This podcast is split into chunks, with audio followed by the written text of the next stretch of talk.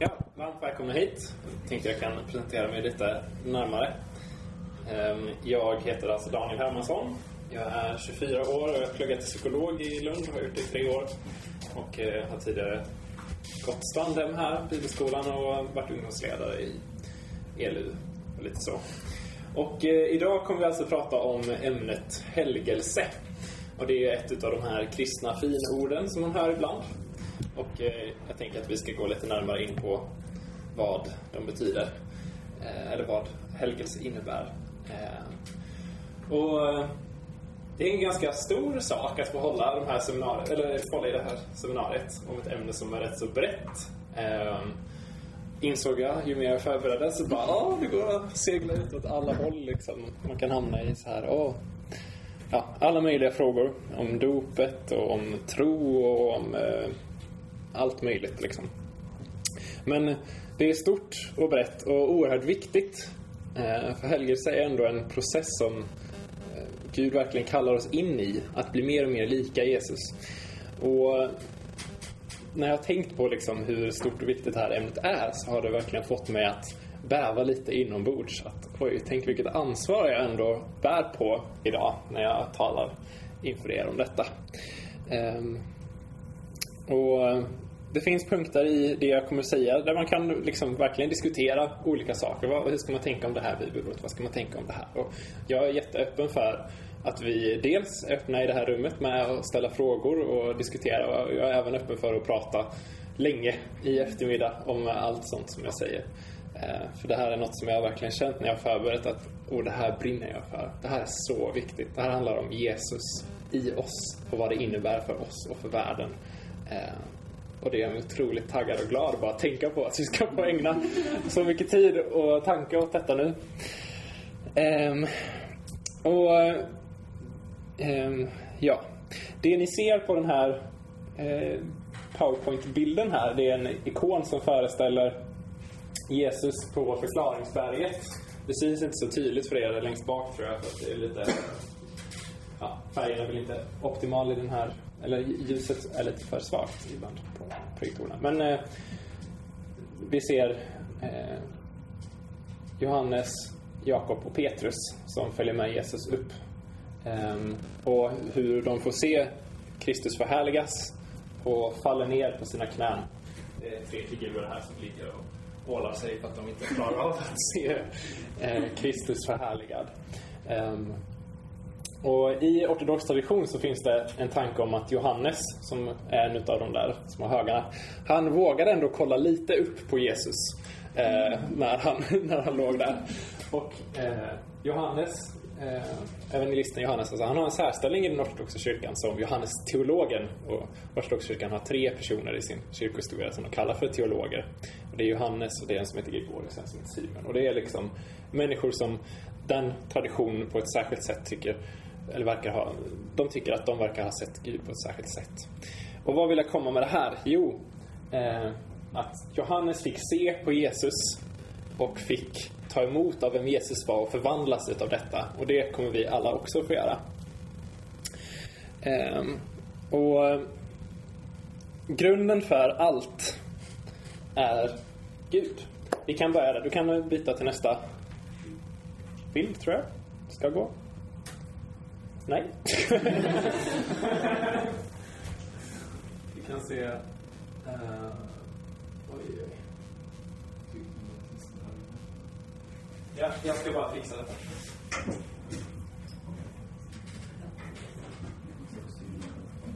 Nu så, nu går det.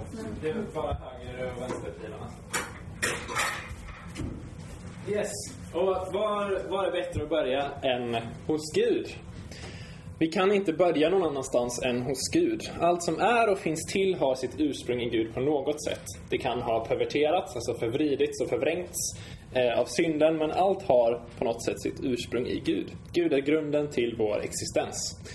Den här första biten kommer alltså handla lite om Gud och vem Gud är, vad det innebär att Gud är den han är. Eh, och allt annat, allt som finns i hela universum, allt meningsbärande Eh, alla händelser som sker har ju på något sätt sitt ursprung i Gud. Gud har en tanke med allting. Gud är grunden till vår existens. Han är den enda oskapade som uppehåller allting. Eh, han är helig. Han är på något sätt skild ifrån världen eh, och hurdana vi är eh, på ett sätt som gör att vi måste närma oss honom med fruktan. Inte som i rädsla för att vi är rädda för att han kommer att straffa oss och döda oss. Eh, utan för att Gud är så oerhört stor och mäktig. Och, men han är helig då. Han är helig. Vi måste närma oss honom i fruktan. Men han är också kärlek. Johannes skriver i sitt brev att Gud är kärlek. Och Guds kärlek är vidare också då grunden för allt. Grunden för allt som Gud gör utgår ifrån vem han är. Och Gud är kärlek. Och jag skulle kunna hålla på mycket länge med att lägga fram en beskrivning på vem Gud är. Alltså bara stå och rada. Jag vet att i min gamla bibel, eh, eller i en bibel jag har liggande någonstans, så fanns det en lista på bibelord och vad de sa om Gud och vem han är. Och där var det liksom bibelord på bibelord om hur Gud är helig, om hur Gud är mäktig, om han, hur han är eh, förbarmar sig över de svaga och fattiga i samhället, om hur han älskar, om hur han ger av sig själv, om hur han välsignar och om hur han också straffar och helig. Ja, ni förstår, Gud är oerhört stor. Och Gud då, kärleken och heligheten med stora bokstäver, har blivit människa. Och varför blev han då det? Och jag kommer komma tillbaka lite här till ortodox tradition. Ni såg att det var en liten eh, underrubrik på min powerpoint-bild. För där finns det nämligen en eh, tanke om att Gud blev människa för att människan ska bli gudomlig, eller gudomliggjord. Och för oss i eh, väst och eh, kanske framförallt om man är rätt trogen lutheran i på 2000-talet så tänker man oh det där låter ju lite villoläraaktigt. kan man verkligen tänka så? Gudomliggjord, vad innebär detta? Men de skriver faktiskt så. Flera utav de stora, viktiga kyrkofäderna skriver sånt som att, eh, och nu kommer jag läsa lite på engelska från en Wikipedia-sida om divinization. Eh, Irenaeus till exempel, biskop i Lyon, säger att eh, Gud blev då eh, vad vi är för att han skulle kunna göra oss sådan som han är. Eh, och även att If the word became a man it was so men may become gods. Och eh, Clemens av Alexandria skriver I say the word of God became a man so that you might learn from a man how to become a god. Och viktigt att ha med sig när man eh, hör de här citaten är att de inte menar att vi ska bli Gud som Gud själv. Alltså vi, det är inte något slags panteistiskt där vi ska bli en enda varelse med honom eller där vi kommer bli någon slags jämlika gudar. Utan det handlar om att bli lika Gud. Att bli som Gud på något sätt. Att bli heliga, heliggjorda, gudomliggjorda. Och det man utgår ifrån lite i den här tanken, det är en vers i Andra Petrusbrevet som vi kommer komma tillbaka till sen. Men Gud blev människa för att rädda oss från syndens och dödens grepp också. Han blev inte bara människa för att vi ska bli grumlig utan också för att rädda oss från syndens och dödens grepp. Men han blev...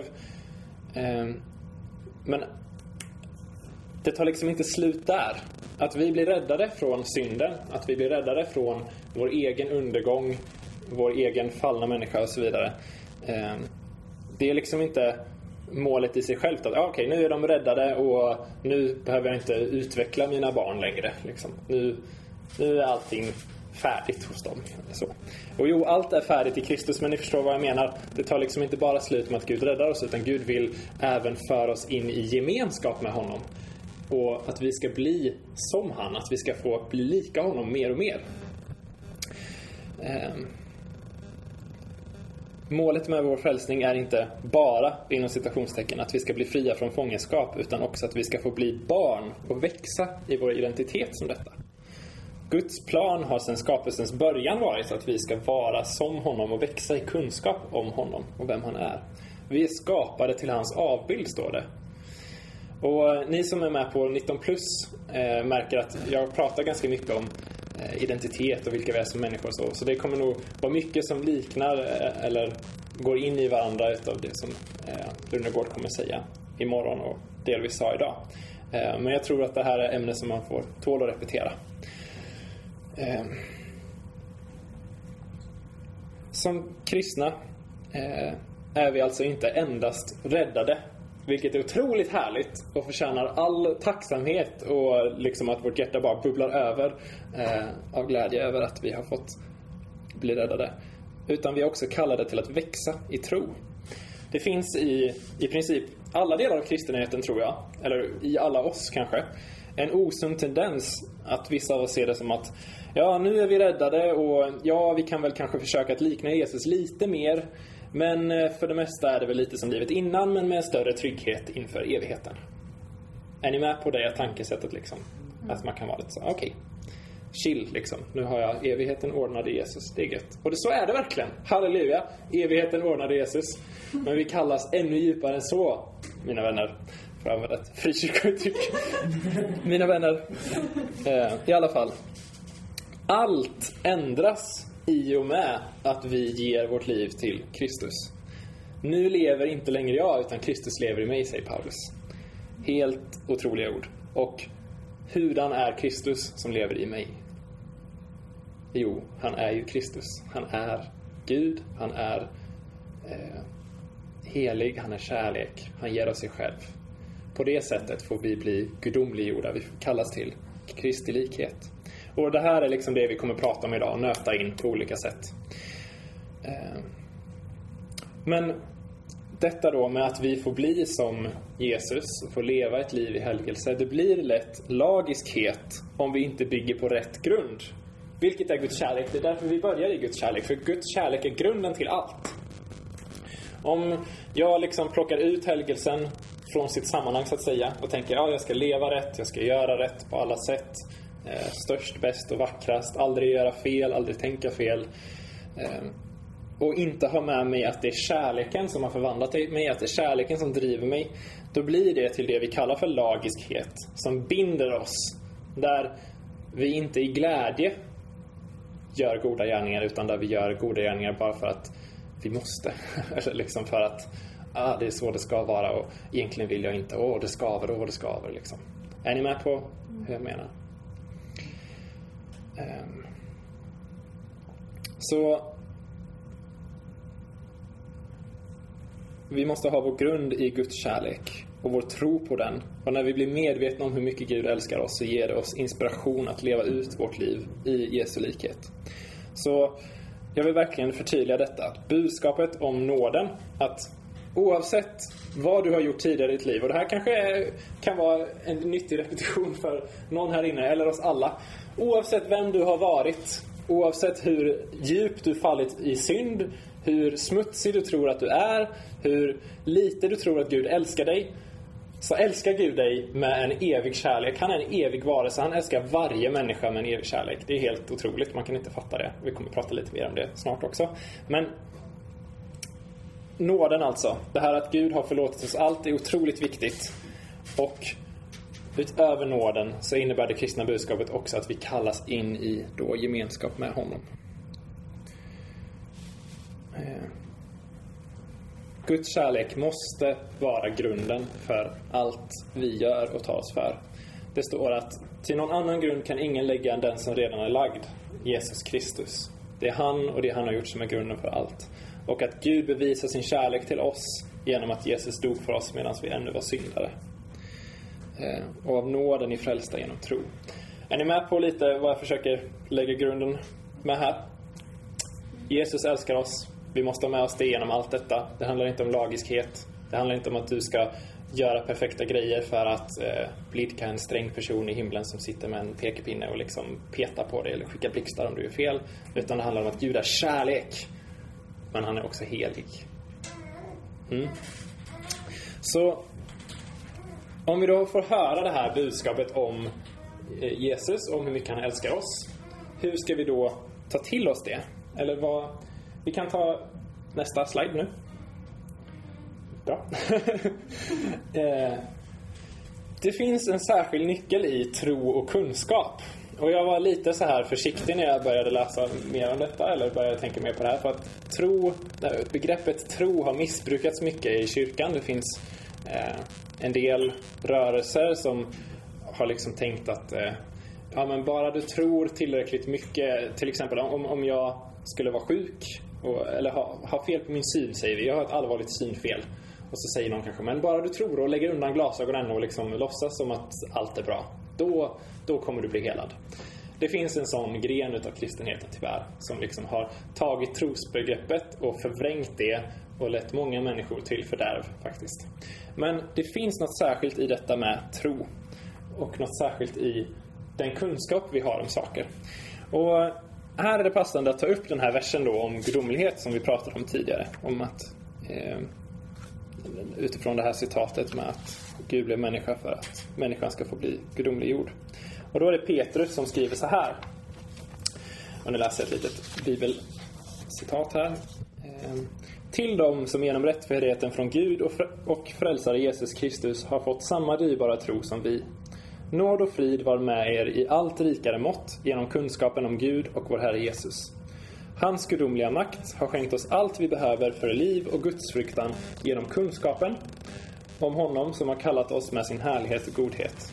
Genom dessa har han gett oss sina stora och dyrbara löften för att ni genom dem ska få del av gudomlig natur sedan ni kommit undan det fördärv som på grund av begäret finns i världen.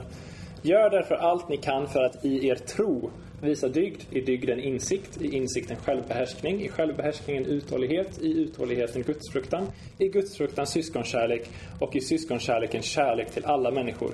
För om allt detta finns hos er och får växa, blir ni inte overksamma eller utan frukt i er kunskap om vår Herre Jesus Kristus. Men den som saknar detta är närsynt och blind och har glömt att han blev renad från sina tidigare synder. När man läser något sånt här är det verkligen lätt att gå igång. Hör ni hur mäktiga de här orden är? Det står att han har skänkt oss allt vi behöver för liv och gudsfruktan. Att Gud har gett oss löften. Det är ganska djupt om man tänker, han har skänkt oss allt vi behöver för liv och gudsfruktan. Eh, och att vi får ta emot nåd och frid genom kunskapen om vår Herre Jesus Kristus. Här kommer vi alltså in på detta med kunskap och tro. Gör därför allt för att er tro visar dygd och så vidare och så vidare. Då blir ni inte overksamma eller utan frukt i er kunskap om Kristus och så vidare. Och det står på andra ställen att i till exempel Hebreerbrevet 11.6 står det Den som närmar sig Gud måste tro att han finns och belöna dem som söker honom. Och vad är grunden för vår tro? Dels Guds ande i oss, Guds verk. Det är också på något sätt Guds kärlek till oss som är grunden för vår tro. Men det finns på något sätt någonting med tro som har med oss att göra. Att vi på något sätt kan välja att tro. Jag tror faktiskt att det är så. Det, det är en liten paradox här för att det står i Bibeln att Gud, Guds ande väcker tro i oss, att det är Gud som handlar i oss och samtidigt får vi svara.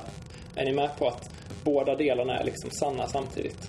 Att Gud gör saker i oss och samtidigt säger vi vårt ja till honom och samtidigt har Gud valt ut oss innan tidens början. Så det är liksom det är en enda blandning så här utav sanningar som vi kanske inte riktigt tycker går ihop men som ändå gör det på något sätt. Och tro är en sån sak. Gud väcker tro i oss och samtidigt kan vi tro på något sätt. Eh, och Jesus till exempel i Nya Testamentet, han möter en massa människor som har olika problem och ibland säger han att han Oh, jag har aldrig sett en stor så tro, eller en tro så stor i Israel, säger han om en eh, legionär till exempel. Eh, det verkar vara någonting som en människa kan äga och få och få be om mer av. Och om du känner att du inte har så mycket tro så finns det också nåd för dig och nåd för mig när jag inte har så mycket tro. Eh, vi har till exempel mannen med sin, eh, sitt barn, har för mig det, som säger Jag tror, hjälp min otro. Alltså finns viljan där på något sätt så finns också en tro och vi får be om att få hjälp med vår otro. Eh, och Hebreerbrevet talar också om att tro är en övertygelse om det man hoppas, en visshet om det man inte ser. Så alltså för att vi ska kunna ta till oss Guds kärlek, för att Guds kärlek ska kunna få verka i oss, så behöver vi ha någon slags tro och en kunskap om vad Gud har gjort för oss. Om du inte vet att Jesus har dött för dig, om du inte tror att det är sant, om du kanske lever på en ö i Stilla havet och aldrig fått höra om det, då är det klart Gud kan möta dig där också. Han är allsmäktig, han, hans ande finns överallt och han kan möta vilken människa som helst. Men tro och kunskap är en nyckel. Och det är någonting som vi får ta till oss om. Att försöka växa i tro, att öva oss i tro, att söka mer kunskap. Och nu kommer vi lite in mer på vad tro kommer av. Tro kommer av Guds ande, tron växer av Gud. Eh, och tron är någonting som liksom kan finnas i oss på något sätt. Och jag vågar inte riktigt säga hur den gör det, om det är någonting som vi presterar. Det tror jag inte. Ja, eller är det det? Jag vet inte. Det är en diskussionsfråga kanske. Eh, men eh, Paulus säger också så här, tron kommer av predikan och predikan kommer i kraft av Guds ord, eller något åt det hållet. Alltså att predikan, tron kommer av predikan, predikan kommer av Guds ord. Så tron kommer alltså av ordet. Och vad finner vi i ordet? Jo, vi finner uppenbarelsen om Jesus och om Guds kärlek till oss genom Jesus. Är ni med på hur Guds kärlek dyker upp igen här? Vi behöver tro för att kunna ta emot av Guds kärlek. Och för att få tro så får vi ta emot av Guds kärlek. Är ni med? Ja. Också en cirkel så här. Um, så Guds ord, Bibeln alltså, uppenbarar Guds kärlek till oss genom Kristus. Han är uppenbarelsen av Guds kärlek. Gud bevisar sin kärlek till oss genom att Kristus dog för oss medan vi ännu var syndare. Ehm. Och det är genom att han har räddat oss och sänt sin Ande som vi har återfått barnens rätt inför Gud och kallas in i en djupare gemenskap med honom. Tack vare Jesus, står det i Hebreerbrevet, kan vi frimodigt gå in i det allra heligaste i gemenskap med honom. Det är helt galet att tänka sig om man jämför med hur det var på Gamla Testamentets tid. En liten parentes kommer här om Gamla Testamentet och det allra heligaste i templet. Där hade Gud lovat att ha sin liksom, närvaro på något sätt extra stark. Här har vi en annan sån här paradox i kristen tro kanske. Gud är överallt, överallt närvarande och samtidigt finns det flera eh, bibelord och ställen som talar om att Gud på något sätt kan ha sin närvaro extra tydlig eller manifesterad på en plats. Och det allra heligaste i GT var en sån eh, plats. Och genom Jesus kan vi frimodigt gå in i det allra heligaste. Helt sjukt. Helt galet. Parentes slut. Guds kärlek har alltså uppenbarats i Jesus, i hans liv och död på korset. Och detta är grunden för vår tro och det största och tydligaste argumentet för att Gud älskar oss. Det är Jesu liv och vad Jesus har gjort. Så varje gång du tvivlar, varje gång det inte riktigt känns bra i din tro, så får du tänka på vad Jesus har gjort och tro, försöka tro kanske, be om tro och förstå att det visar Guds kärlek till dig oavsett dina nuvarande omständigheter. Om du i ditt liv drabbas av någon ondska av något slag så ska du veta att det inte är ett uttryck för Guds kärlek till dig, den ondskan, utan det som visar Guds kärlek till dig, det är att Jesus har dött på korset för vår skull. Är ni med? Det är verkligen, Gud bevisar sin kärlek till oss genom att Jesus dog för oss. Så varje gång du tvivlar på Guds kärlek, Vänd dig till korset. Se vad Gud har gjort för dig. Det är så viktigt detta. Ehm, hade det bara varit du i hela världen hade han också dött för dig. Och som jag sa tidigare, Gud är en evig varelse och älskar alla med en evig kärlek. Har ni tänkt på vad det innebär att vara en evig varelse? Någon gång? Det innebär att varje ögonblick innehåller evigheten, typ. Är ni med lite på den logiken? Om du, har, om, om du är en evig varelse och har möjlighet att rikta... Alltså evigheten är ju en tid utan slut. Så varje ögonblick för Gud är ju på något sätt en evighet för honom också. Är ni med på det? Han, han, kan, han begränsas inte av tiden. Så i varje ögonblick som går älskar Gud dig med en evig kärlek. Alltså, Tar, det är inte bara i en sekund som han älskar dig med en kärlek. Utan det är om du går ner på nanosekunder och ännu mindre. Alltså i minsta tidsenheten vi någonsin skulle kunna tänka oss. Så är Guds kärlek inte bara, alltså den är inte begränsad av att det är en sån liten tidsspann. Utan Guds kärlek är där evig. Är ni med? Så om vi tänker oss att vi kanske kan älska med en kärlek som en eh, liten bäck så här. Som rinner. Och det, tänk dig all din kärlek någonsin i den här bäcken som pålar fram. Det, det kan vara ganska mycket kärlek hos många människor liksom. Och vi kan älska många människor. Så, så är Gud, han är liksom havet och ännu större. Och det liksom forsar inte bara fram lite som vår bäck här pålar. Utan det är en sån enorm ström i varje ögonblick av kärlek över allt skapat. Är ni med? Så är det. Och Gud visar sin kärlek genom att Jesus har dött för oss på korset. Och vi kan lätt ofta fastna i allt ont vi drabbas av i våra liv. All ondska som vi ser av i världen. Och vi tänker Gud, vem är du? Älskar du ens oss? Älskar du den här världen? Varför gör du ingenting åt ondskan?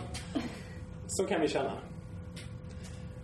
Och då får vi se på korset. Och så får vi tänka lite på detta att Gud är en evig varelse och älskar varje partikel av universum med en evig kärlek i varje ögonblick. Och då får vi kanske bli lite ödmjuka inför vem Gud är. Och tänka så att om han älskar alla med den här eviga kärleken, om det är så som Bibeln säger, om det här faktiskt är sant, så har Gud full kontroll på allt som händer. Även det som för oss uppfattas som ondska och så. Jag menar inte att Gud eh, vill det onda som händer. Av någon anledning så tillåter han det att ske, för han har all makt. Men Gud kommer att komma tillbaka och ha sista ordet kring all ondska. Eh, och han lämnar ingen människa offer för eh, ondskan i slutet, utan Gud älskar allt skapat. Är ni med? Lite om Guds oerhörda kärlek. Alltså, vi kan inte förstå hur stor hans kärlek är. Och börjar vi meditera och fundera över detta så kan vi sluta i en liten gråtande pöl på golvet över hur mäktig han är. Liksom. Så oerhört, oerhört stor. Så grunden till allt är alltså Gud och Gud är kärlek. Och då något om kärlekens verk. Eh, ja, tron kommer av ordet, ordet pekar på Kristus, har vi här på skärmen. Jag går vidare till nästa. Och Kristus är Guds kärlek uppenbar, som jag pratat om. Och kärleken då driver oss till längtan och gemenskap och detta formar oss till att leka Jesus. Vi kommer in på det lite nu då. Och då vill jag börja med att läsa lite från, nu kommer vi komma, nu kommer det bara vara bibelord efter bibelord här ett tag. Men det är bra. Ehm, så ni får jättegärna, om ni har biblar med er, eh, slå upp dem. Det finns ett par biblar här också. Skrivit om kanske? Någon som vill ha? Vill ha? Um, och jag kommer inte att vara så där hänsynstagande som vissa är som väntar med att alla ska hitta bibelställena utan jag kommer börja läsa för att det här inte ska ta 80 minuter bara att läsa. Um, och då läser jag från Romarbrevet 6, 3-14. och nu någonting då om kärlekens verk. Om liksom, vad har kärleken lett till? Och en av de saker som kärleken har lett till är ju att Jesus har dött för oss och att vi kan ta del av detta genom bland annat dopet. Och nu kommer vi in på detta då. Nu kommer vi liksom in på kärnan i vårt seminarium. Att Gud kallar oss till att bli lika honom. Gud älskar oss så oerhört mycket. Han kallar oss in i gemenskap med honom till att bli som han och älska med samma kärlek som han. Och då kan vi till exempel läsa från Romarbrevet 6.3 då. Vet ni då inte att alla vi som har döpts in i Kristus Jesus också har blivit döpta in i hans död? Genom dopet har vi alltså dött och blivit begravda med honom för att också vi ska leva i ett nytt liv. Så som Kristus uppväcktes från de döda genom Faderns härlighet. Till har vi blivit ett med honom genom att dö som han ska vi också bli förenade med honom genom att uppstå som han. Vi vet att vår gamla människa har blivit korsfäst med honom för att den syndiga kroppen skall berövas sin makt så att vi inte längre är slavar under synden. Eh, ska vi se hur långt hade jag tänkt? Till 14 ja. Till den som är död är frikänd från synden. När vi nu har dött med Kristus är vår tro att vi också ska leva med honom. Vi vet ju att Kristus har uppväxt från de döda och inte mer ska dö. Döden är inte längre herre över honom. När han dog, dog han bort från synden en gång för alla. När han nu lever, lever han för Gud. Så ska också ni se på er själva. Ursäkta att jag undertrycker vissa saker här. Allt, allt det här är väldigt viktigt men jag belyser liksom mina poänger genom att trycka lite extra på dem. Um, Eller Guds poäng får vi väl hoppas att det är. Så ska också ni se på er själva. I Kristus Jesus är ni döda för synden men lever för Gud. Synden ska alltså inte få härska i er dödliga kropp så att ni lyder dess begär. Låt inte synden bruka era lemmar som redskap för orättfärdigheten utan låt Gud bruka er, ni som ju har återvänt till livet från döden. Låt honom använda era lemmar som redskap för rättfärdigheten. Synden ska inte vara herre över er. Ni står inte under lagen utan under nåden. Och så fortsätter han att prata om detta. Ehm, så dopet förenar oss i en död som Jesu död och uppväcker oss, honom, uppväcker oss till ett liv i gemenskap med Jesus där vi har dött bort från synden. Och vi kommer komma mer in på att brottas med synd sen. Efesierbrevet 3, 14-21 är det bibelställe som jag berörs av kanske allra starkast i hela Bibeln. Eh, eller har gjort det i alla fall. Där ber Paulus för de kristna i Efesos. Så ber han så här. Nu bara köttar vi underbara bibelställen alltså. Efesierbrevet 3, 14-21. Därför vill jag, nu läser jag från eh, 2000s översättning. Så det är kanske lite olika ord här. Därför vill jag falla på knä för Fadern, efter vilken allt vad Fader heter i himlen och på jorden har sitt namn. Måtte han i sin härlighetsrikedom ge kraft och styrka åt er inre människa genom sin Ande, så att Kristus genom tron kan bo i era hjärtan med kärlek. Stå fasta och var stadigt rotade i honom, så att ni tillsammans med alla de heliga förmår fatta bredden och längden och höjden och djupet och lär känna Kristi kärlek, som är väldigare än all kunskap, tills hela Guds fullhet uppfyller er.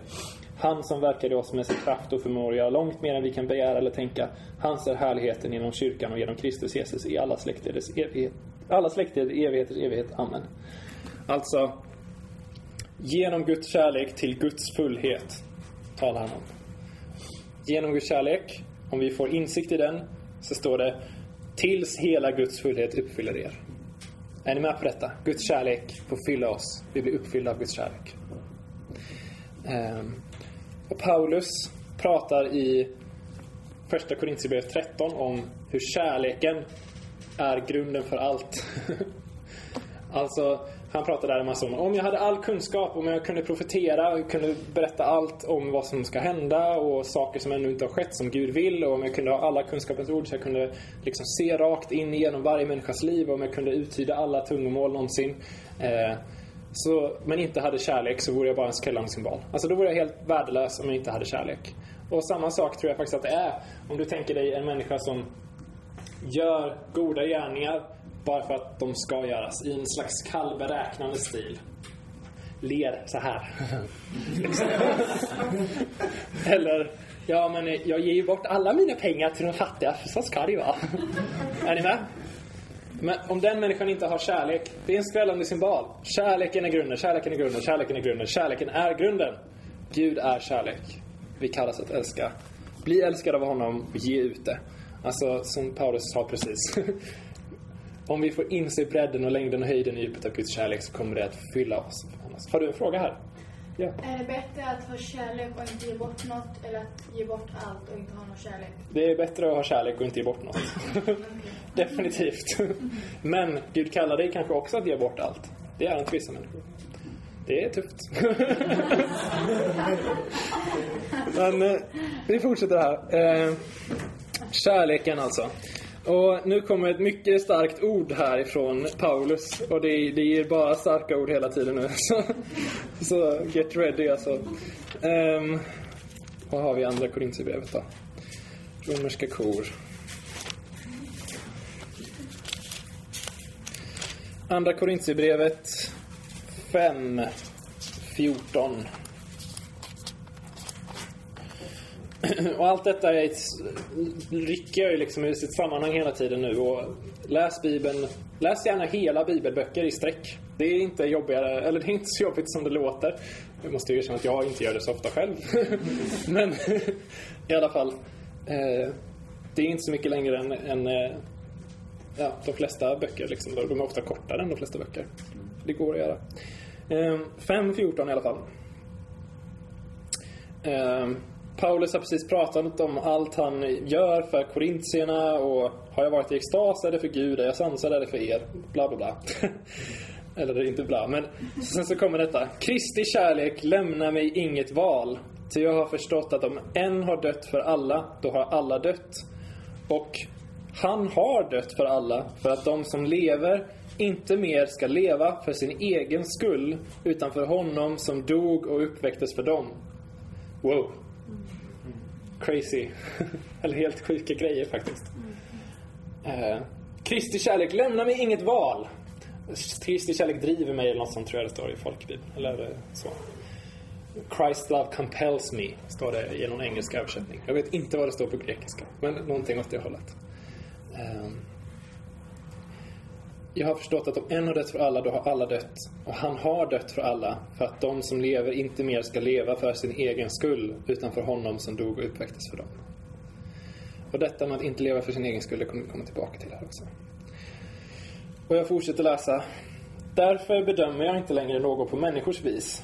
Och om jag också har uppfattat Kristus på det sättet så gör jag det inte nu längre. Den som är i Kristus är alltså en ny skapelse. Det gamla är förbi, något nytt har kommit. Det här läste eh, Mikael Lundegård innan också. Allt detta har sitt upphov i Gud, som har försonat oss med sig genom Kristus och ställt mig, alltså Paulus, i försoningens tjänst. Till Gud försonade hela världen med sig genom Kristus. Han ställde inte människorna till svars för deras överträdelser och han anförtrodde mig budskapet om denna försoning. Jag är alltså Kristi sändebud och Gud manar er genom mig. Jag ber er på Kristi vägnar, låt försona er med Gud. Han som inte visste vad synd var, honom gjorde Gud till ett med synden för vår skull, för att vi genom honom skulle bli ett med Guds rättfärdighet. Som Guds medhjälpare uppmanar er också att inte kasta bort den nåd som ni tar emot från Gud. Han säger ju, jag bönhörde dig när stunden var inne, jag hjälpte dig på frälsningens dag. Nu är den rätta stunden, nu är frälsningens dag. Det gäller också oss idag. Nu är den rätta stunden, nu är frälsningens dag. Om du inte gett ditt liv helt till Jesus, eller kanske är tveksam, ja, fortsätt att undersöka tills du inte är tveksam längre. men om du känner att ah, men det här är någonting för mig och jag har inte tagit ställning tydligt tidigare. Så säg till Gud i ditt hjärta, Herre jag ger mig helt till dig. Nu är den rätta stunden, nu är frälsningens dag. I alla fall. Vi har alltså detta. Eh, Kristi kärlek driver oss. Om en dog, då dog vi alla. Vi lever inte längre för oss själva. Kärleken är inte egoistisk. Man kan också läsa Paulus hyllning till kärleken i Korintierbrevet 13. Eh, där det står om allt som kärleken inte är. Och den är inte egoistisk. Just så står det inte där, men i alla fall. Vårt största hinder är vårt självfokus. Tror jag. Mycket. Om vi hade förstått de här orden om att nu lever inte längre jag, utan Kristus lever i mig, som det står i Galaterbrevet. Och att om en har dött, och det har en gjort, för alla, så har också vi alla dött och får leva för honom. Eh, då är vi fria att leva helt för Gud och i hans kärlek och i gemenskap med honom, precis som Kristus, Jesus, inte levde för sig själv, utan helt gav ut sig själv för andra. Det kallas vi att likna. Jesus säger att den som... Um, ja, ingen har större kärlek än den som ger sitt liv för sina vänner. Och det här är väldigt stora ord. Och det är så lätt att falla i lagiskhet här igen. Att liksom... Hopp, då tar vi ifrån tårna nu. Jag ger allt till de fattiga, för det ska jag göra. Jag älskar alla med Kristi kärlek, det ska jag göra. Men det här handlar inte om en glättig fasad. Eller att piska sig själv. Även om Jesus säger om att alla måste ta upp sitt kors och följa honom. Så det är ett lidande. Det är att varje, var dag liksom tacka nej till sig själv och tacka ja till Gud. Men grunden för alltihopa är inte någon slags Ja, ah, kolla på mig hur mycket jag lider för att göra som Gud vill och tycks lite synd om mig i smyg. Är ni med på hur man skulle kunna ha det? Utan att Gud älskar mig. Wow! Han älskar mig med en evig kärlek. Han älskar mig med den här kärleken som är havet i varje evig, i varje ögonblick med en evighet. Om det är sant, om det är sant så måste det få förvandla mitt liv. Om det är sant. Och vi tror att det är sant. Och det visas, det uppenbaras genom att Jesus har dött för oss på korset. Då får det förvandla hela vårt liv. Och vi får i alla fall söka Gud, söka Guds ansikte, söka Guds kärlek, söka att få ta del mer av detta. Tro på budskapet som vi talar om innan. Söka kunskapen. Vända oss till ordet som uppenbarar Kristus, att vi på nytt fylls av hans kärlek. Um. Och vi har förebilder som inte är Jesus i detta också. Både Mose och Paulus säger det sjukaste som jag har sett i Bibeln, säger de. Mose säger så här, när Israeliterna har eh, vänt Gud ryggen, så säger han någonting, så säger han eh, och Gud vill döda Israeliterna för han är helig. Han, det, är hans, det är en annan sida av hans kärlek, det får vi prata om en annan gång. han är helig, han tål inte synden. Synden förtjänar döden, det är en naturlig konsekvens. Det är som att eh, ett plus ett är 2. Eh, vi tar det personligt det är ju på något sätt personligt, men alltså, skitsamma. Ta det som en parentes. I alla fall, eh, Gud blir vred över israeliterna. Och Moses säger så här. Eh, Döda dem inte. Stryk i sådana fall mig ur den bok du skriver i. Och man, man har alltid tolkat detta som liksom boken med de som Gud har frälst. Liksom. Moses säger så. Döda inte dem, ta i sådana fall bort mig heller och låt dem leva. Liksom. Och Paulus säger en liknande sak om israeliterna. Han säger att jag önskar att jag vore bort eh, från liksom, Abrahams rot och träd eller vad det nu är. Och att israeliterna skulle få leva istället. Och det är helt... Eh, alltså för mig är helt otänkbart att säga så. Alltså jag, jag, jag kan inte ens förstå hur man kan komma till den punkten. Att man kan säga en sån sak. Att jag önskar att andra ska få leva och att jag ska inte ha gemenskap med Gud. Alltså det är ju helvetet. Helt sjukt! Men det finns människor som inte är Jesus som har på något sätt fått leva i gemenskap med Gud och kommit till en punkt i sitt liv där de kan säga så. Och säga det sant. Ah, jag tycker det är helt... Eh, jag tycker det är helt otroligt faktiskt. Att det går. Jag tror inte det var någon annan än Jesus som kunde göra så. Vad sa du? Jag trodde det bara var Jesus som kunde liksom ge sitt liv för fiender. Ja, och det, det, är det bara för att Jesus är den enda människan som har levt ett alltigenom heligt och rättfärdigt liv. Ehm, så det är så. Men de, Mose och Paulus säger att de önskar att de kunde göra så. Liksom. De kan inte göra det, men de önskar att det vore så. Jättebra inlägg där. Um, Okej, okay. så alltså Gud älskar oss vi får förvandlas av det. Um, vi har nu hållit på ungefär 45 minuter. Jag tänker faktiskt att vi tar en paus på 5-10 minuter så kommer jag fortsätta för att jag inte är igenom än. så vi tar en paus ett tag. Eh, var tillbaka här om eh, sju minuter säger vi. Är vi på plats? Ja.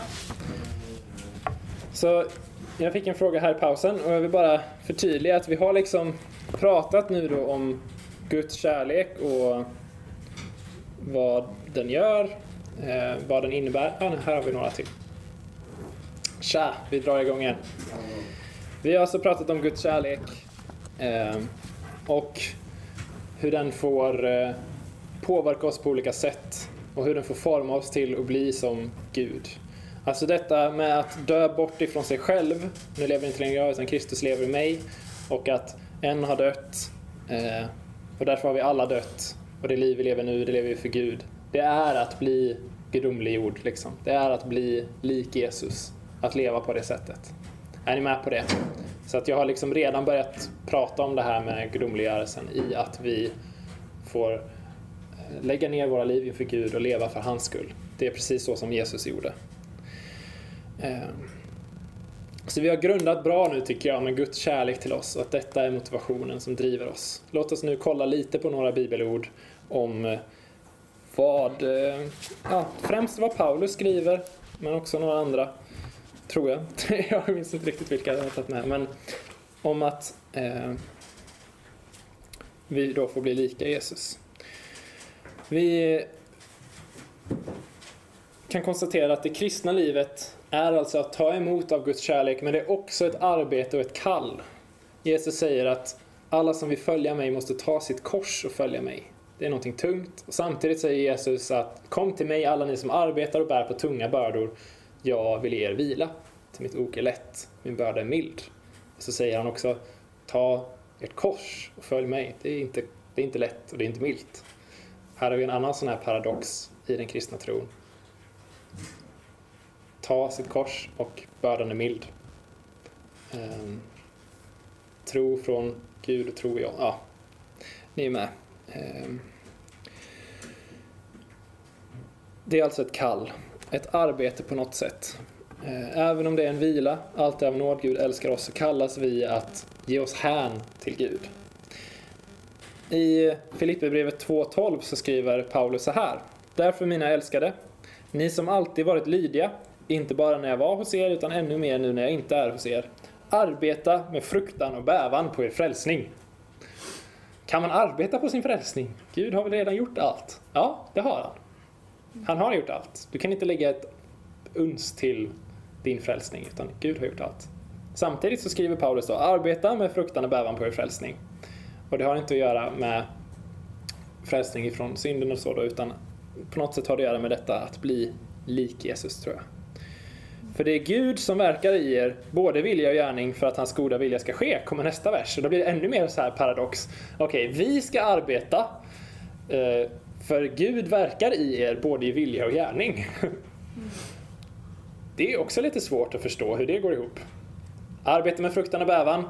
Gud är den som gör det i er. Okej. Okay. Gött, då får jag ta emot det ifrån Gud. Att han vill arbeta Gud är den som verkar i er både i vilja och gärning för att hans goda vilja ska ske. Så kommer detta. Gör allt utan att klaga och tveka så att ni blir fläckfria och rena. Guds oskyldiga barn, mitt i ett falskt och fördärvat släkte där ni lyser som stjärnor i världen när ni håller fast vid livets ord. Det är ganska häftigt också. Tänk att vi får ge oss hän till Jesus, lita på att han vill verka med sin nåd i oss och därför bli som stjärnor i världen när vi håller fast vid hans ord. Jag vill ha det. Jag vill vara en stjärna i världen. Jag vill lysa för mina kursare och klasskamrater och vänner. Jag vill att människor ska få se på mig att jag är en som gett mitt liv till Jesus och att Jesus lever i mig. Så om du kanske sitter här eh, och tycker att kristen tro verkar lite tråkig för att det innebär ju inte några ändrade ambitioner och livet är ju bara som vanligt med lite mer trygghet. Du har fått höra eller förstått det snett. Vi kallas in i gemenskap med Gud och denna gemenskap förvandlar oss. Det är den naturliga konsekvensen. Mose, när han mötte Gud på berget, hans ansikte lyste av mötet med honom på ett sånt sätt att folket blev rädda och han behövde ha ett skynke för ansiktet för att de skulle våga vara med honom. Att vi kallas till att bli lika Jesus är supertydligt i Nya Testamentet. Och jag kan verkligen inte nog betona det här med att nåden är grunden, Guds kärlek upphör aldrig, upphör aldrig och det är det som driver oss. Ehm. Och man kan läsa så mycket om vad Guds kärlek vill göra i oss i Nya Testamentet. Första Johannesbrevet är sjukt utmanande. Till exempel. Jag kommer inte läsa mer där nu. Nu kommer några lösa citat igen, lite som vi gjort innan. Men bli därför Guds, äh, följ mitt exempel liksom jag följer Kristus exempel, säger Paulus. Och på ett annat ställe säger han någonting om att äh, jag gör allt som jag lär till er. Ungefär. Jag hittade faktiskt inte det stället igen sen, men han säger något liknande. Wow, häftigt. Um, bli därför Guds efterföljare som hans älskade barn, säger Paulus i Fesibrevet 5. Och Jesus själv säger i Johannes 13 att jag har lämnat er ett exempel för att ni ska göra som jag. Och det säger han om att när han har tvättat lärjungarnas fötter. Vi kallas in i samma kännande kärlek som Jesus. Och i eh, Johannes 15 så pratar han om att han är vinträdet och vi är grenarna. Och att vi behöver förbli i honom för att bära frukt. Vi behöver gemenskapen med Jesus, Guds kärlek, ta emot den för att bära frukt i våra liv. Eh, och det står sånt som var så till sinnes som Kristus Jesus var. Filipperbrevet. Eh, eller i Romarbrevet 8 står det Den som han i förväg har känt som sina har han också förutbestämt till att formas efter hans sons bild så att sonen blir den förstfödde bland många bröder och systrar kan man tänka. vi har blivit kallade och förutbestämda till att formas efter hans sons bild. Att bli lik Jesus, att bli gudomliggjorda in a sense. Och de som han har förutbestämt har han också kallat och de som han har kallat har han också förklarat rättfärdiga och de som han har förklarat rättfärdiga har han också förhärligat. Det står i Hebreerbrevet att vi ska lägga undan synden som snärjer oss, att vi får ta på oss Guds vapenrustning i Efesierbrevet. Eh. Och i Galaterbrevet står det då om detta om att jag är korsfäst med Kristus. Nu lever inte längre jag utan Kristus lever i mig. Och att alla ni som är ute efter till Kristus har iklätt er Kristus. Om det är sant så är det helt otroligt. Nu någon kommentar om synden som vi kan se i våra liv. Någon, något om brottningen med köttet som Paulus skriver om i Galaterbrevet. Det skriver han så här. Vad jag vill säga är detta. Vandra i anden så gör ni inte vad köttet begär. Köttet söker det som är emot anden och anden söker det som är emot köttet. De två strider mot varandra så att ni inte kan göra, eller för att göra så att ni inte kan göra, det ni inte vill. Men om ni leds av anden står ni inte under lagen. Köttets gärningar är uppenbara. Sexuell omoral, orenhet, orger, avgudadyrkan och så vidare och så vidare. Andens frukt däremot är kärlek, glädje, frid, tålamod, vänlighet, godhet, trohet, mildhet, självbehärskning. De som tillhör Kristus Jesus har korsfäst sitt kött med dess lidelser och begär. Om vi har liv genom anden, låt oss då också följa anden. Eh, det finns i våra liv och i kyrkans historia en erfarenhet av kamp på något sätt. Vi kan se orena tankar, begär i vår kropp och i vårt kött då, som Paulus pratar om, som på något sätt är egot, eh, blossa upp. Och Paulus pratar om att de st köttet strider mot anden och anden strider mot köttet. Det har inte att göra med att vår kropp strider mot anden. Det här är inte en kroppsfientlig inställning som Paulus ger uttryck för, utan köttet är ett begrepp som liksom står för vårt ego. Är ni med på det? Jag menar inte att kroppen är ond i sig, och Paulus menar inte det, utan köttet, egot, det som vill allting utan Guds nåd, det som vill ha allt för sig själv. Liksom. Köttet söker det som är emot anden och anden söker det som är emot köttet. De två strider mot varandra. Så vi har en strid som verkar vara pågående, skriver Paulus om här. Och samtidigt står det att den som tillhör Kristus har korsfäst köttet med dess lidelser och begär. Och det står hur mycket som helst om i Nya Testamentet om att i till exempel Johannesbrevet om att vi får lägga undan synden som snärjer oss hårt, står det i Hebreerbrevet. Men eh, sådana saker om synden som inte är en naturlig del av den kristnes liv. Och då kan vi återigen kanske falla dit i den här lagiskheten. Eller tänka, oh jag är körd, jag är dömd. Jag ser ju synd. Jag ser kanske synd i mitt liv. Vad ska jag göra med den? Ja, vad ska du göra om du ser synd i ditt liv? Är det någon idé att liksom gräva ner sig i en grop och bara åh, jag är så syndig. Jag är en fruktansvärd människa. Åh, gräver ner mig. Det kommer aldrig gå väl för mig. Åh, jag gräver ner mig. Åh, jag är så syndig, jag är så syndig. Jag är en så liten eh, eh, mask. Liksom. Tror ni att det är Guds vilja för oss att vi ska göra på det sättet? Jag tror faktiskt inte det. Bibeln är så tydlig med hur mycket Gud älskar oss att vi är iklädda Kristus om vi har tagit emot hans frälsning. Kristus är inte en mask. Du är inte en mask i Jesus. Du kanske brottas med köttet till exempel, men det är redan korsfäst genom Jesus. Det vi istället får göra är att, lite som vi pratade om tidigare, hur ska vi ta emot Guds kärlek? Genom kunskap och tro genom Guds ande också. Men bland annat genom kunskap och tro. Och när vi möter synd i våra liv så får vi vända oss till Bibelns ord, sanningen om vilka vi är. Och be Gud om tro och be Gud om kraft.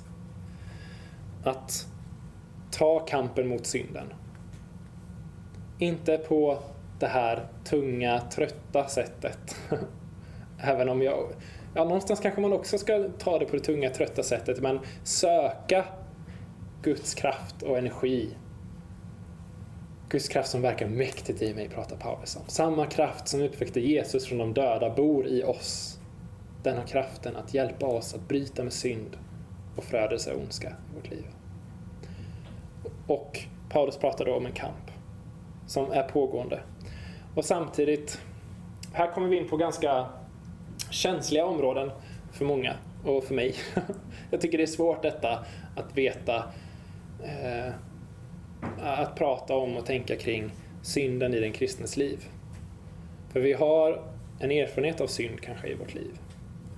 Nästan alla har det efter att de blivit kristna. Och det finns hos Luther, Luther säger så här att den kristna är rättfärdig och samtidigt syndare. Det finns ett lite fint eh, latinskt uttryck för det, justus et peccator eller något sånt. Eller precator, jag vet inte riktigt. Mm. Men jag tror att visst, vi kan säga om när vi syndar att ja, på ett sätt är vi kanske syndare om vi gör synd och samtidigt är vi rättfärdiga.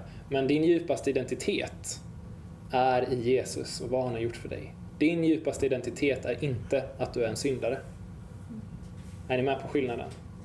Eller inte skillnaden, det var ingen skillnad här. Utan, är ni med på det med du är inte en syndare djupast sett. Du är iklädd Kristus. Är ni med? Vi har fått bli förvandlade till ljusets barn. Vi har fått del av hans gudomliga kraft och nåd och kärlek.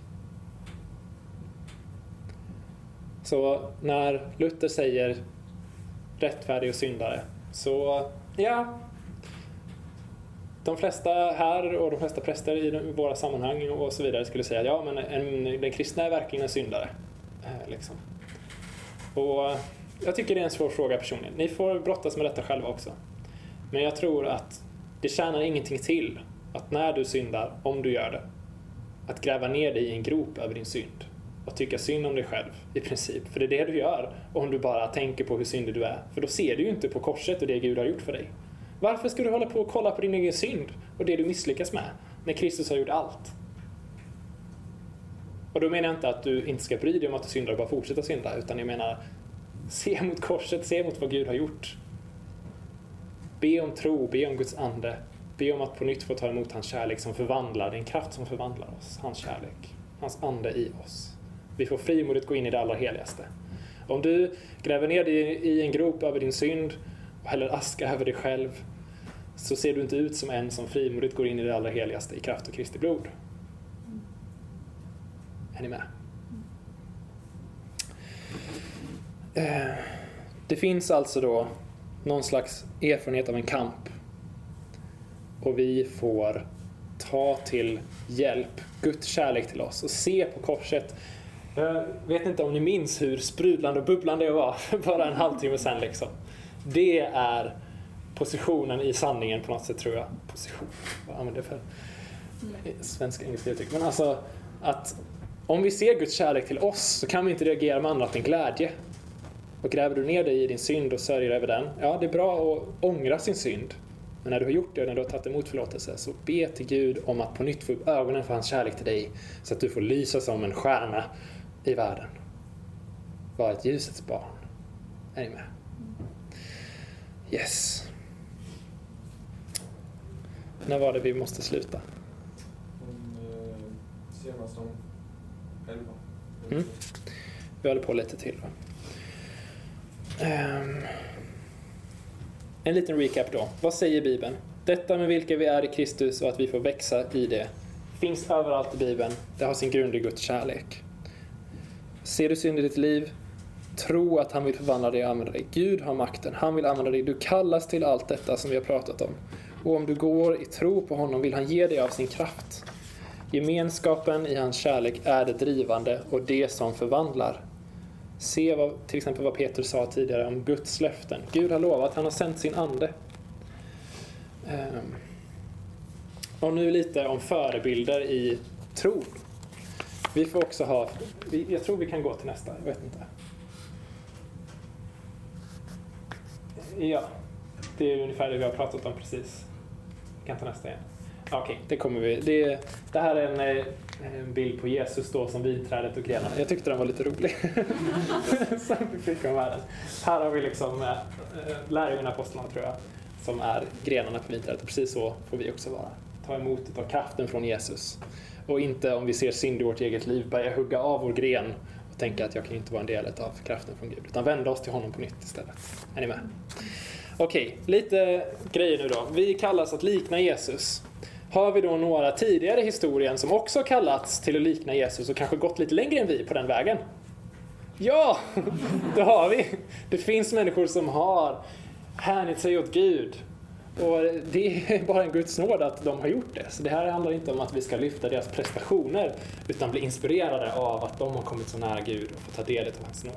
Vi har massvis med nutida helgon. Vi alla är helgon. Alltså när Paulus pratar om de kristna och när man skriver det så pratar han om dem som de heliga i. Och det är egentligen samma rotord, det som helgon kommer av i grekiskan. Och så. Det, det är samma ord. Men i alla fall, vi har människor som på något sätt verkar ha fått smaka lite extra utav Guds kärlek och fått gå längre än vad vi kanske har gjort nu in i gemenskap med honom. Eh, vi kan ta till exempel Hanok eller Henok i Gamla Testamentet. Har ni hört något om honom någon gång? Han var en man som levde precis i början efter skapelsen. Eh, jag vet inte hur många hundra år efter det var, men han levde. Det står inte så mycket om honom mer än att han vandrade på jorden i x antal hundra år. Eh, och vi kan diskutera huruvida de hundra åren faktiskt står för hundra år en annan gång. Men det är en annan fråga. Men, eh, och sen så står det att Gud tog upp honom, eh, eller han vandrade i gemenskap med Gud och sen att Gud tog upp honom till sig och eh, han dog liksom ingen naturlig död utan Gud tog upp honom till sig. Och så står det liksom inte mer om honom mer än att han gjorde det. Det är ganska galet. Kan ni vara med på att det vore ganska häftigt att ha den gemenskapen med Gud? Att oh, jag lever så nära Gud. Att, att det får stå om mig i Bibeln när de skulle skriva några brev om nutiden som, som någon anledning hade hamnat i en helig skrift eh, från Jesus. Att oh, han levde i gemenskap med Gud på ett sånt sätt att Gud valde att ta upp honom till sig. Och om Henok, Hanok, kunde leva i den gemenskapen med Gud redan innan Jesus hade kommit och renat världen från all synd och på något sätt är det väl så att Guds Jesu död renade alla i Gamla Testamentet som levde i tro på, på något sätt och såg i tro. Men i alla fall, redan innan Gud sände sin ande över allt kött som tror på honom, över, över oss. Vi har löfte om Guds ande på ett väldigt speciellt sätt i förhållande till Gamla Testamentet. Det är ett annat ämne i sig. Men om Henok med de förutsättningarna då kunde leva i den gemenskapen med Gud, hur mycket mer kan inte vi som har tillgång till allt genom Jesus av Guds ande? Jesus säger att den som ber om helig ande kommer Fadern inte neka den gåvan. Typ. Mm. Hur mycket mer ska inte han ge? Ja. Eh, hur mycket mer kan inte vi då söka den typen av gemenskap med Gud? Där, vi får, där det skulle kunna stå om oss att han eller hon levde i gemenskap med Gud på ett sådant sätt att Gud valde att ta honom eller henne. Mm. Och vi har ja, till exempel då Paulus och Moses som vi pratade om, hur de kunde be den här bönen inför Gud.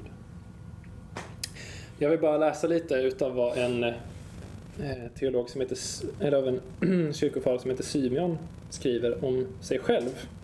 Och här blir det lite, det kommer bli lite en översättning från engelska och lite inte. För att, jag ska bara se. Eh, 7 juli. Han skriver om sig själv. Nu kommer jag läsa lite på engelska Ehm, och så kan jag kanske översätta snabbt. Nu ska vi se vad klockan är. Han skriver om sig själv. Eh,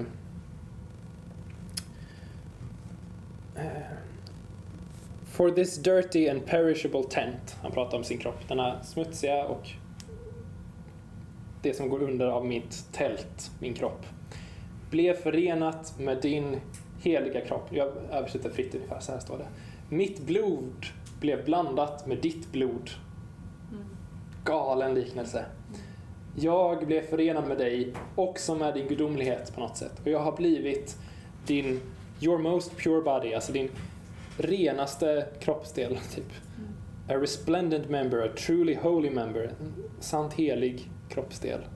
Far shining and transparent and gleaming, I see the beauty, I look at the luster, I reflect the light of your grace. Jag ser skönheten, jag speglar din nåds härlighet.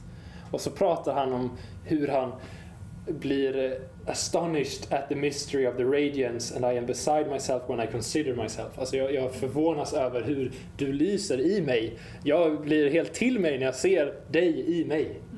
säger Simeon.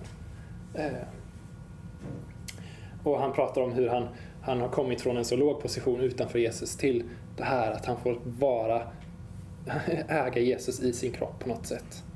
Eh, och så pratar han om, om, hur svårt det är för honom sen att avgöra vad ska jag göra med mig själv nu när du bor i mig? Var, var ska jag sitta? Var ska jag stå? Jag äger ju din heliga kropp på något sätt. Helt otroligt.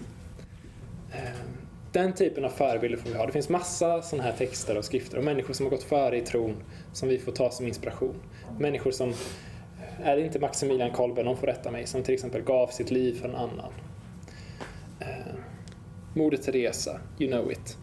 Eller som, och jag önskar att det ska få vara så här för oss som eh, för, eh, ursäkta att det blir lite lösryckt nu på slutet, men Ignatius skriver, det är en tidig kyrkofar också som var eh, biskop här för mig, ursäkta min okunskap, som skriver till en annan biskop som heter Polycarpos som var Johannes lärjunge.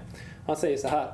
När jag har fått ta emot dig och se hur ditt sinne är riktat mot Gud och grundat som på en orubblig klippa lovprisar jag Gud att jag blivit värdig att se ditt rena ansikte. Åh, oh, fatta gett. Han bara, åh du är så fantastisk Polycarpus. Jag ser att ditt sinne är orubbligt fast som på en klippa. Och ditt rena ansikte gör att jag måste prisa Gud. Sådana får vi se på varandra i Kristus. Och vi får be om och söka kunskap och tro så att vi får bli förvandlade till hans likhet. Låt Guds kärleksbudskap till dig förvandla hela ditt liv och få praktiska konsekvenser. Så det du ser av synd i ditt eget liv, kanske pornografi, kanske att du kollar på helt olämpliga tv-serier, kanske att du pratar skit om folk, kanske att du gör allt möjligt. Lämna det till Gud, omvänd dig från din synd, be om att på nytt få se Guds kärlek till dig. Be om att få bli fylld av Guds ande. Och om det är någonting du verkligen brottas med och inte kommer loss ur. Sök också en, en kristen medmänniska att prata med detta om. Att bolla med detta kring. Hur är det så att jag kan falla i synd gång på gång om jag är i Kristus? Hur funkar detta egentligen? Jag förstår inte. Jag behöver hjälp. För att Gud kallar oss till sig. Och det gör han inte och som sagt, detta är med grund i Guds kärlek. Att han älskar oss, att han älskar oss, att han älskar oss. Det får förvandla oss. Mm. Det är jättestora, svåra, tunga grejer. Ta sitt kors och följa honom. Nu lever inte längre jag. Och samtidigt är det wow, Gud älskar mig. Mm. Evig kärlek varje ögonblick. Yes, fortsätt söka Guds ansikte. Låt dig förvandlas av hans gemenskap. Nu ber vi en bön. Herre Jesus, jag tackar dig för allt du har gjort för oss och jag ber att din heliga vilja ska få ske genom oss. Kom med din Ande hit just nu. Verka i oss. Nu är den rätta stunden, nu är frälsningens dag, även för oss som gång på gång har fått ta emot av dig. Herre, vi tackar dig för det du har gjort för oss och den kärlek du har visat oss, att du är kärlek i dig själv, Herre.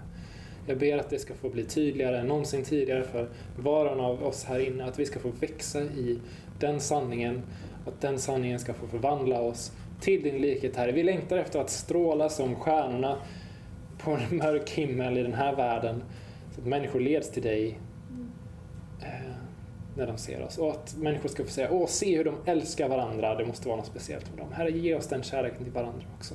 Jag ber för varje person här inne som är bunden på något sätt i någon typ av synd, att du, Herre, kommer med din frihet och löser ifrån alla bojor. Vi tackar dig för att du har gjort det på ditt kors och vi vill ta emot det i tro. Herre, hjälp oss att närma oss dig. Vi vill närma oss dig. Närmar du oss, oss som det står i Jakobs brev att du ska göra. Tack för att du är oss närmare än vårt eget hjärta som det heter inom bön. Och Herre, vi bara ber om att vi ber om att få bli uppfyllda av din kärlek. Helt och fullt Jesus. Amen.